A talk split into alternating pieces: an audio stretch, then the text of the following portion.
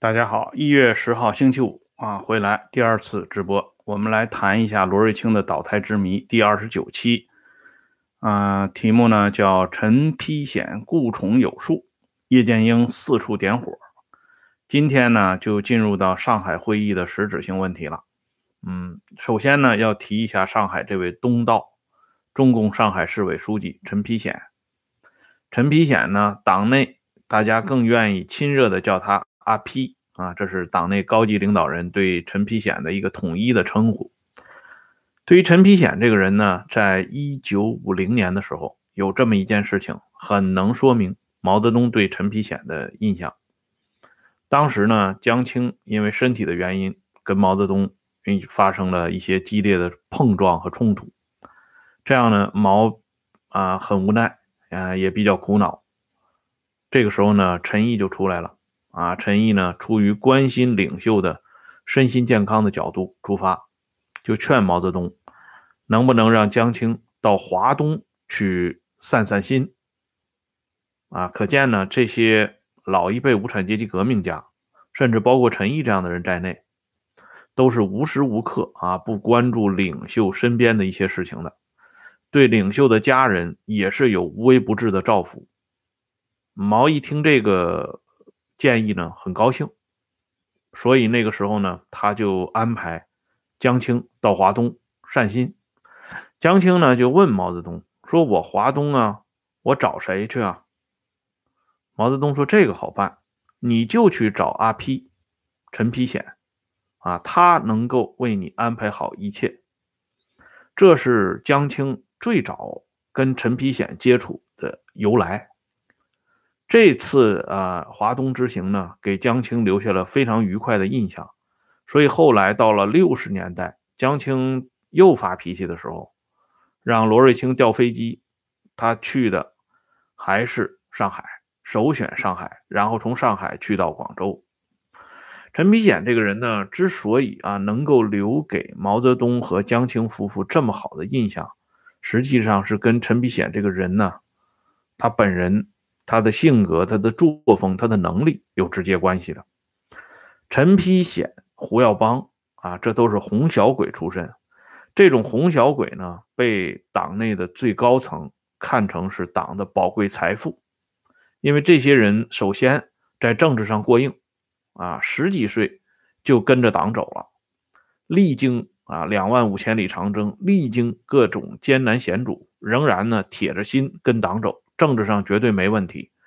再一个呢，红小鬼年龄小，可塑性很大，啊，指东向东，指西向西，在各种政治冲锋当中呢，红小鬼往往能够有出人意料的表现，啊，特别是像胡耀邦和陈丕显这些人呢，性格平和，跟这样人的交往呢，你可以过多的不用过多的设防。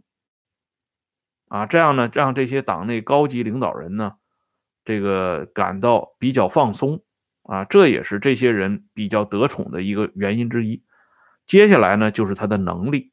这里边呢，我就想给大家讲两个段子，关于陈丕显啊，他的这个办事能力有多强。一九五七年，毛到上海视察，当时呢，他是坐着上海那个港间啊领航船。视察黄浦江和港口，这视察一圈以后呢，啊，毛就有点饿了啊。这样呢，陈丕显就在船上给毛呢安排了一顿午饭。这午饭的菜单呢，我给大家念一下。这个菜单呢，来自于陈丕显的儿子陈小金的回忆《我的文革岁月》啊。这个菜单很有意思啊。我为什么特别关注于这些菜肴？啊，就是说这些东西呢，往往能够体现一些历史的，啊，当时的特殊背景。呃，一共是四菜一汤，啊，四季豆炒肉片油面筋炒辣椒，红烧黄鱼，古老肉和榨菜肉丝汤。这四菜一汤呢，看似啊非常普通，但是在这四道菜的安排上，陈丕显是颇费一番脑筋。啊，因为呢，首先他找到了毛的两个痒处，啊，骚到痒处。毛呢最喜欢吃鱼，毛最喜欢吃辣椒，所以呢，这里边出现了红烧黄鱼和这个油面筋炒辣椒。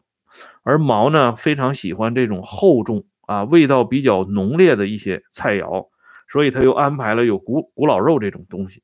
这个四季豆炒肉片呢，炒的是腊肉片啊。这个当事人有回忆是腊肉片，陈小金的这个书里没有提到。这腊肉呢，湖南腊肉，这也是毛最钟情的一道菜。关键呢，除了这些菜本身啊。还有一层含义，因为当时陪同毛在视察这个黄浦江和上海港口的，不光是有啊罗瑞卿、上海市委的这些领导，还有上海市公安局局长黄赤波、上海市公安局警卫处处长王继普啊这些中中下层干部在内，大家一一窝蜂的啊簇拥在领袖的周围。那么这个菜呢，既要让领袖有里子，还要让领。领袖有面子，这个所谓有里子，就是让领袖吃的非常满意。有面子是什么呢？就是说通过这道这些菜的安排，让这些随行人员，或者说通过随行人员的嘴巴，向外界传递一个重要的信息，那就是领袖一生都是朴素的作风，即使到了地方上视察工作，最多也无非是吃个肉、吃个鱼，都是家常便饭。哎，这一点呢，应该说体现了陈丕显的苦心孤诣啊！你像领袖，他在自己的菊香书屋，在自己的地盘上，他可以当着秘书李锐的面大喊一声：“我要吃熊掌。”可是他到外边，他不能说：“哎，你给我上点鱼翅捞饭啊，你给我来个红烧熊掌。”这领袖的颜面啊，比什么都重要啊！因此呢，这个。陈丕显可以说是一个讲政治的啊典范级人物。还有一点呢，就是毛当时呢啊游性大发，想在这个水里头游泳，而这个时候呢，罗瑞卿他们都很焦急，想劝又不敢劝，大家的眼睛齐刷刷的看着陈丕显。陈丕显呢非常平静的告诉毛泽东说：“今天呢天气预报说下午有雷阵雨。”所以不适合游泳。毛一听这个呢，就放弃了游泳的想法。果然到下午三点钟左右啊，雷阵雨如期而至。啊，这个罗瑞卿事后呢夸奖陈丕显说：“阿丕呀，我们这么多人都抵不上你一个人，只有你能劝得动主席。啊，你有什么窍门吗？”陈丕显就乐了。啊，陈丕显说：“这个天气预报啊，这是科学。”啊，主席相信科学，所以我把科学说给主席以后呢，主席自然也就相信了。啊，他这个回答呢也是滴水不漏，因为罗瑞卿必然要把陈丕显的回答啊原封不动、一字不落的向毛泽东转述，所以他的这个回答呢，啊，既讲清楚了道理，又无形中啊夸赞了领袖，因为领袖相信科学毕竟是一件好事嘛。还有一个事情呢，就是在一次招待会上啊，招待外宾的时候啊，这个，嗯，不光是招待外宾吧，还有一些老朋友。这是在一九五六年的时候，大家呢给毛敬酒的时候啊，这是在当时的中苏友好大厦招待的朋友，包括毛的老朋友周古城这些人敬酒的时候，毛呢因为一贯不善饮酒。可是这一次啊，他很高兴，端起酒杯呢，一饮而尽。喝了以后呢，啊，毛突然喊了一句：“说怎么我喝的不是酒，而是白水呢？”现场就震惊了。这个时候呢，毛的秘书啊，其实那个时候已经不是秘书了啊，已经是党和国家领导人了。陈伯达呢，就显得非常紧张，他赶紧去提醒罗瑞卿，他说：“你去调查啊，要不搞清楚的话。”主席怪罪起来，我们都吃不消啊！你也吃不消。罗瑞卿就问陈毅啊，陈毅当时是东道嘛？陈毅哈哈一笑说：“这个事情别问我，你们去问阿丕啊，就问陈丕显啊。”这样呢，罗瑞卿就去问陈丕显。陈丕显很坦率的讲了，说这么多人要给主席敬酒。如果我不做这个安排的话，主席的身体盯不住，影响了主席的身体健康，我相信你罗部长也不会赞成吧。事后呢，毛泽东果然问起这个白酒变成水的事情，啊，罗瑞卿呢向毛做了检讨，并且呢交代说这是陈丕显啊主张搞的，而毛呢对陈丕显没有提出任何批评。事后啊，罗瑞卿对陈丕显讲了这么一番话，他说：“阿丕呀，也就你有这个胆量啊，我是不敢这么做的。”啊，由这些小事情，我们也可以看到，毛对陈丕显在文化大革命以前一直是非常满意的啊。否则的话呢，在柯庆施啊死了以后，毛也不会让陈丕显挑起上海市委市政府这副重担。甚至呢，江青在文革初期还有拉拢陈丕显夫妇的动作。到了一九六五年九月上旬，召开中央政治局常委扩大会议期间呢，罗瑞卿突然跟陈丕显说了这么一番话。他说：“阿丕呀，我愿意到上海来。最近主席批评我，对我不满意。阿丕，你当第一书记，我给你当市长。”啊，陈丕显呢，赶紧说是不敢当啊，我只能给你罗部长当助手。这段回忆呢，也是陈小金的《我的文革岁月》当中记载的。这段回忆很有意思。这说明呢，啊，这段回忆也是以前这些公开史料当中呢没有披露过的。这说明什么呢？这说明到了一九六五年九月份的时候，啊，罗瑞卿本人也觉察到了毛泽东对他态度的改变。而我们都知道啊，一九六五年五月份，刘亚楼死在上海，而就在五月下旬，林彪基本上确定要拿掉。罗瑞卿这个决心就是在这个时候下定的，那么就自然而然的啊，就引到刘刘亚楼的身上啊。那个刘亚楼生前留给林彪、叶群夫妇的那个东西，那个证据，一直以来呢，引起这个关注罗瑞卿事件的众多研究者的兴趣。主张给林彪翻案的人呢，自然是以这个刘亚楼的这个所谓的口述证据为准绳啊，认为罗瑞卿。确实已经侵夺了林彪的一些权利啊！林彪要搞掉他，甚至说，呃，有人要搞掉罗瑞卿，也都是由这些东西而来的。而不赞成给林彪翻案的，比如说官方的，呃，《罗瑞卿传》里边呢，就认为，呃，这个刘亚楼的这个口述呢，就像刘少奇他们说的，啊，难以置信啊！邓小平不讲过吗？死无对证。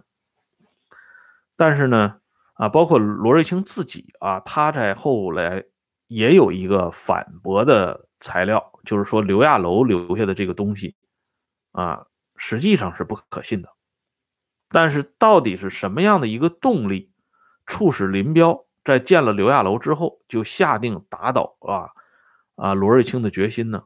我个人判断啊，我只能说我个人判断，因为我也没有过硬的材料来证实。孰是孰非啊？我只能根据现有我掌握的材料进行一个个人的判断。我判断，对于刘亚楼的这份口述材料啊，不宜简单的否定。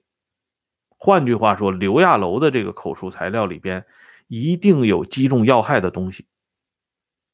这里呢，我不妨跟大家透露一点啊，在上个世纪九十年代末，《林彪传》已经由中央文献。研究室啊，整理好呃全部书稿，但是这个书稿呢，一直压在这个中央文献啊，始终未能公开与大家见面。道理很简单，虽然林彪是一个批臭的人物，但是中央文献啊，动用大量的人力物力对林彪进行传记的描述，这里边自然而然要引用到很多原始资料。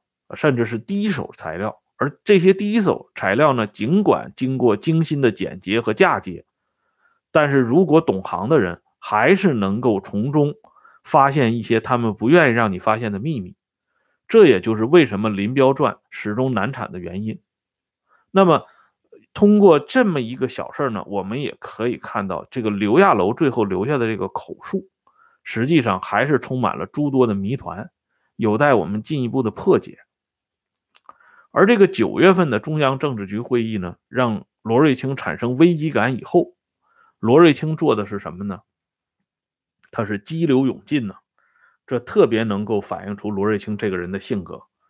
他呢，实际上是想更加的啊，获取毛的欢心，所以呢，他是拼命的工作。哎，比如说呢，呃，九月九月份啊。罗瑞卿建议《解放军报》抓一下搞空空头政治的倾向。九月三十号，他在《军报》九至十二月宣传要点上还做了专门的批示，说要写一篇社论，专门讲政治和业务辩证关系的。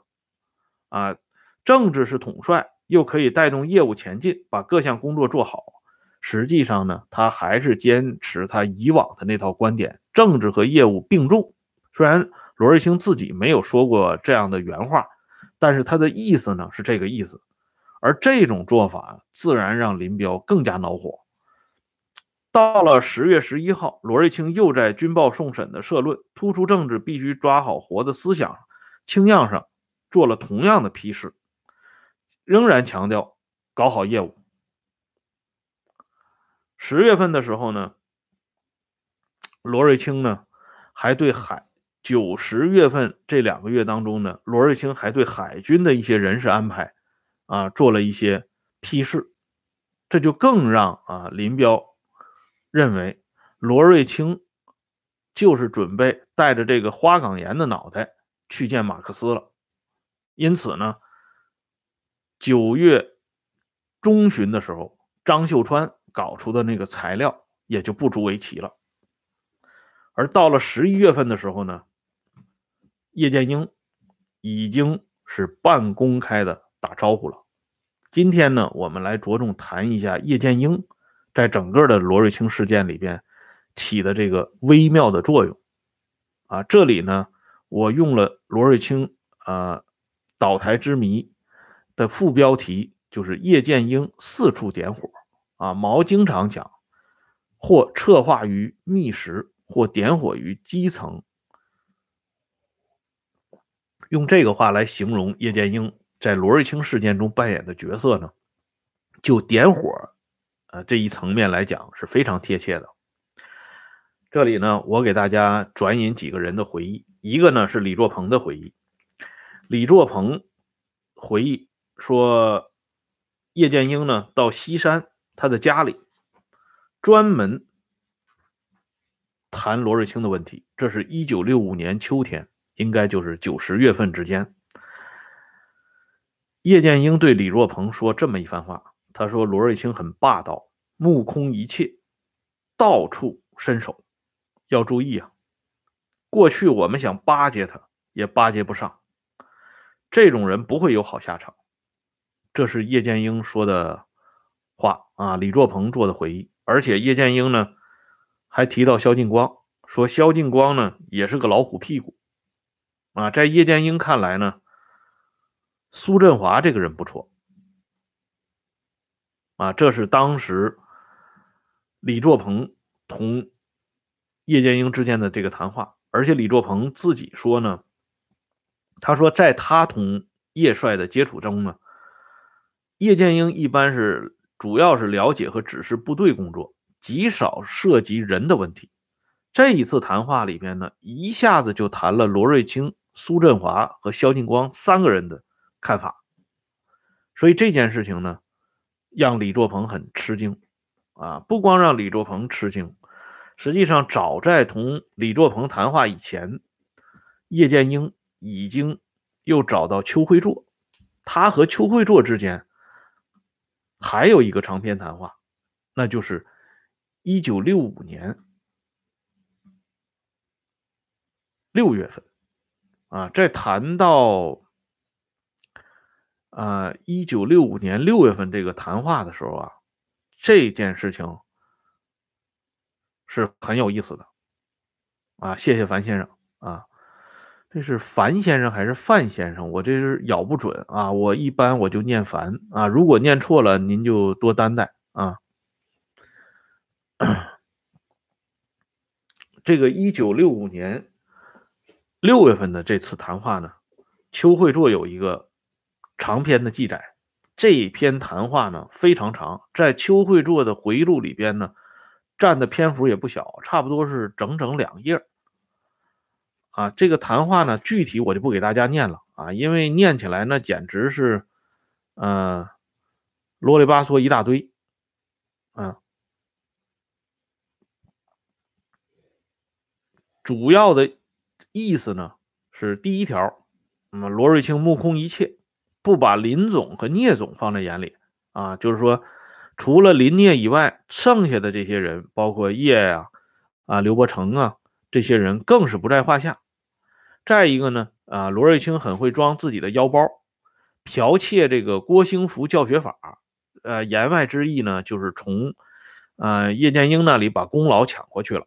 第三个呢，是罗瑞卿善于拉拢私人啊，把这个李作鹏、邱会作。李天佑、杨成武、萧劲光、吴法宪这些林总啊非常喜欢的人都排除在外。另外呢啊，搞自己的那一套班子啊，比如说萧华呀、梁毕业呀、肖向荣啊，他都装过来了。这个时候呢啊，从这个谈话里边呢提到这个萧劲光，要知道呢，萧劲光在那个时候啊，他呢。呃，有一个什么样的说法呢？就是萧劲光后来在林彪事件之后，江青曾经指责萧劲光，说萧劲光呢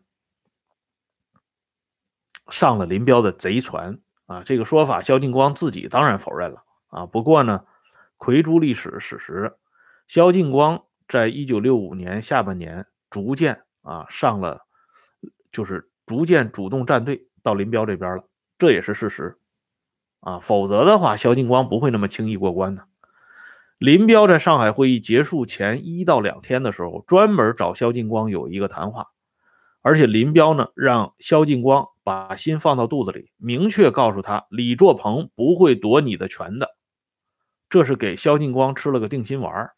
我们可以设想一下，如果萧劲光没有出色的表现的话，林彪不会开这张支票的。要知道，这张支票不是空头支票。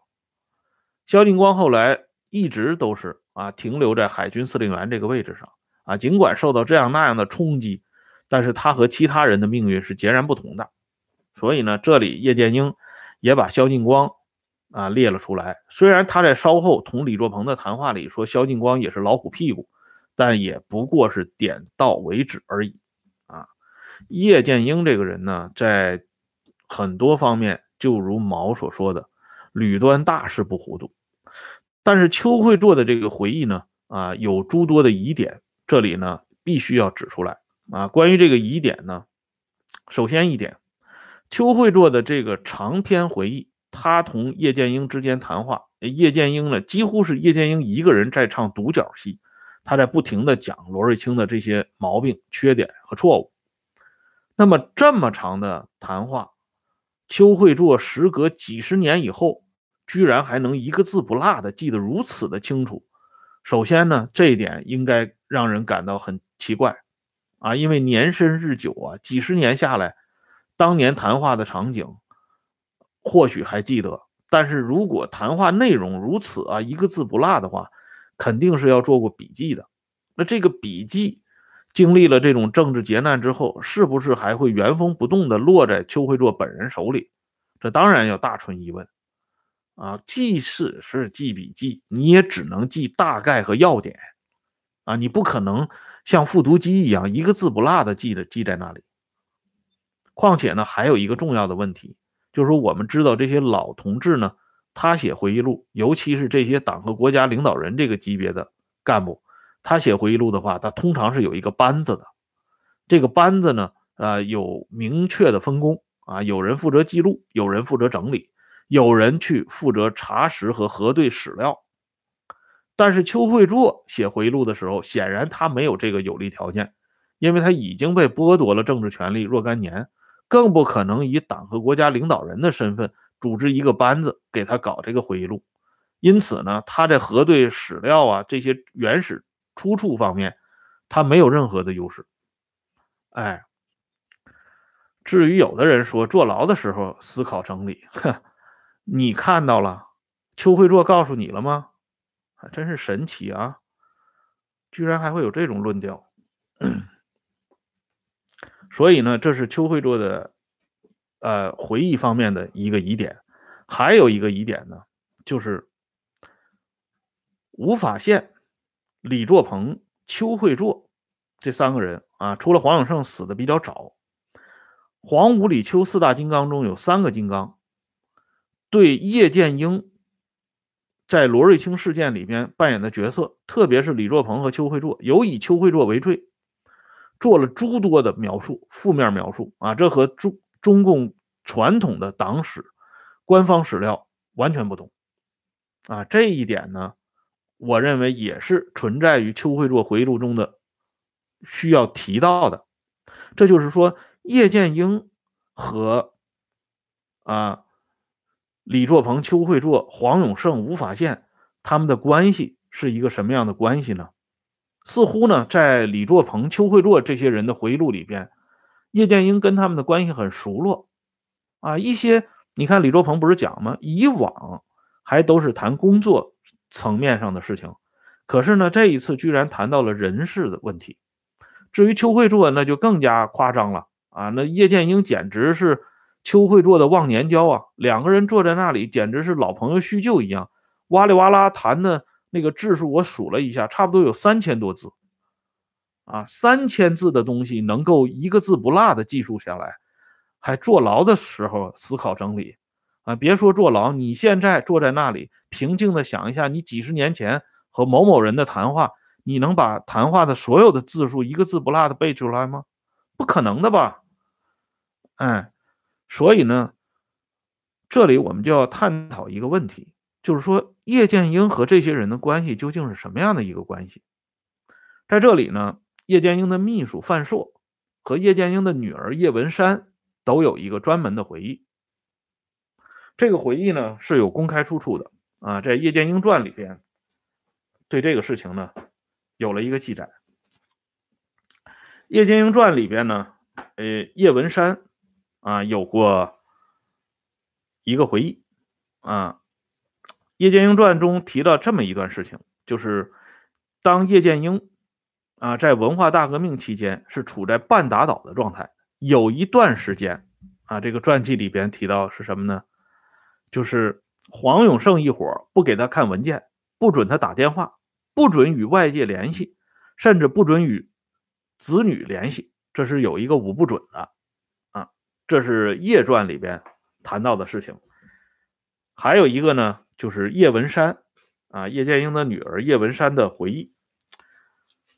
他是这么说的：“他说，在那动荡的、史无前例的灾难岁月里，林彪一伙处心积虑的想把爸爸搞垮，污蔑他是二月逆流的黑干将，硬说他的孩子们都有问题，横加罪名。”把我的哥哥姐姐姐夫们一共七个人投进了监狱，甚至连家中的保姆也被抓了进去。这是叶文山的回忆的原文啊，我给大家念了一下。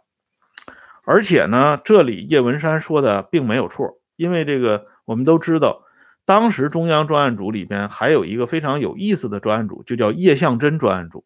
叶向真就是叶剑英的女儿，可见呢，对比。叶剑英的秘书和女儿的回忆呢？我们应该知道，在文化大革命当中的初期阶段，林彪他手下的这几员大将黄永胜啊、吴法宪、李作鹏、邱会作啊，谢谢老弟，对叶剑英及其家属是相当不客气的。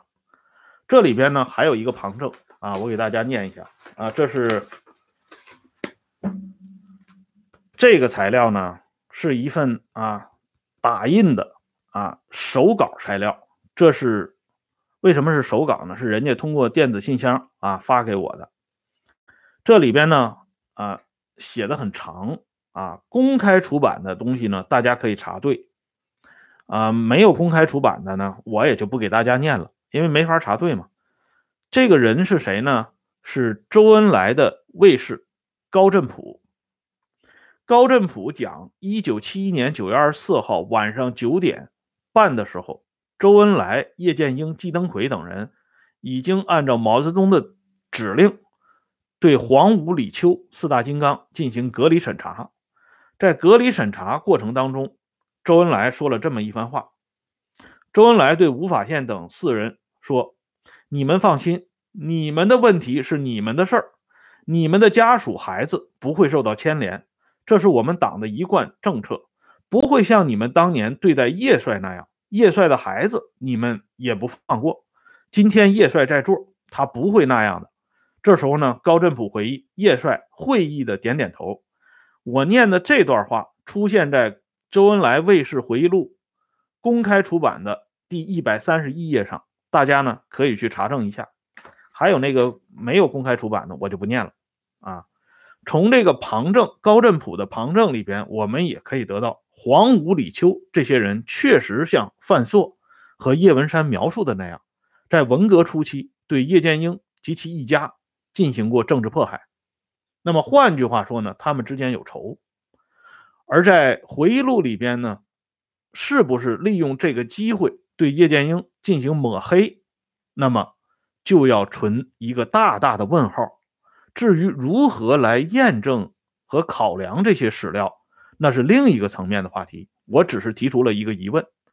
还有一点最关键的一点，就是邱会作的回忆录里边对罗瑞卿相当不客气，啊，几乎就是指着鼻子开骂。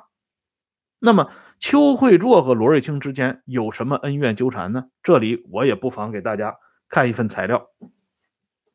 这个材料呢，仍然是傅国珍的回忆录《历史瞬间》里边记载的。傅国珍讲过这样一番话，他说呢，在军队有几位兵团级和大军区级领导人作风不正，影响极坏。罗瑞卿毫不留情的严加批评或严肃处理，如对总后勤部部长邱会作等人的处理。这个回忆呢很重要啊，因为傅国珍本人亲身经历了这个事情。况且呢，傅国珍的身份啊比较特殊，他上边的隐形的直接领导就是中央办公厅主任汪东兴。那罗瑞卿对邱会作的处理。会不会让邱会作怀恨在心，日后呢伺机报复呢？这也要大存疑问的。而言作风不正，影响极坏这八个字，至于邱会作意味着什么，我们不妨再去看一下林办秘书张云生劫后余生在他的《毛家湾纪实》里边对邱会作啊乱搞男女关系的那些描述。这里呢我就不想再提了，哇，脏了咱们这个节目啊。所以呢。凡此种种，构成了我对邱会作回忆录里边这段夸张的回忆的诸多疑点。这里呢，必须要提出来啊。不过呢，这些疑点归疑点，叶剑英在罗瑞卿事件中的表演还是无法抹杀的。因为不光是邱慧作、李作鹏这么回忆，还有其他人也在回忆叶剑英。在这里扮演了一个重要的角色。那么其他人的回忆又是什么样呢？我们明天的节目里边将会给大家继续讲述。今天呢，就先说到这里。感谢朋友们的打赏，感谢朋友们上来关注咱们这个节目，欢迎大家继续订阅《温相说党史》。咱们下次再聊。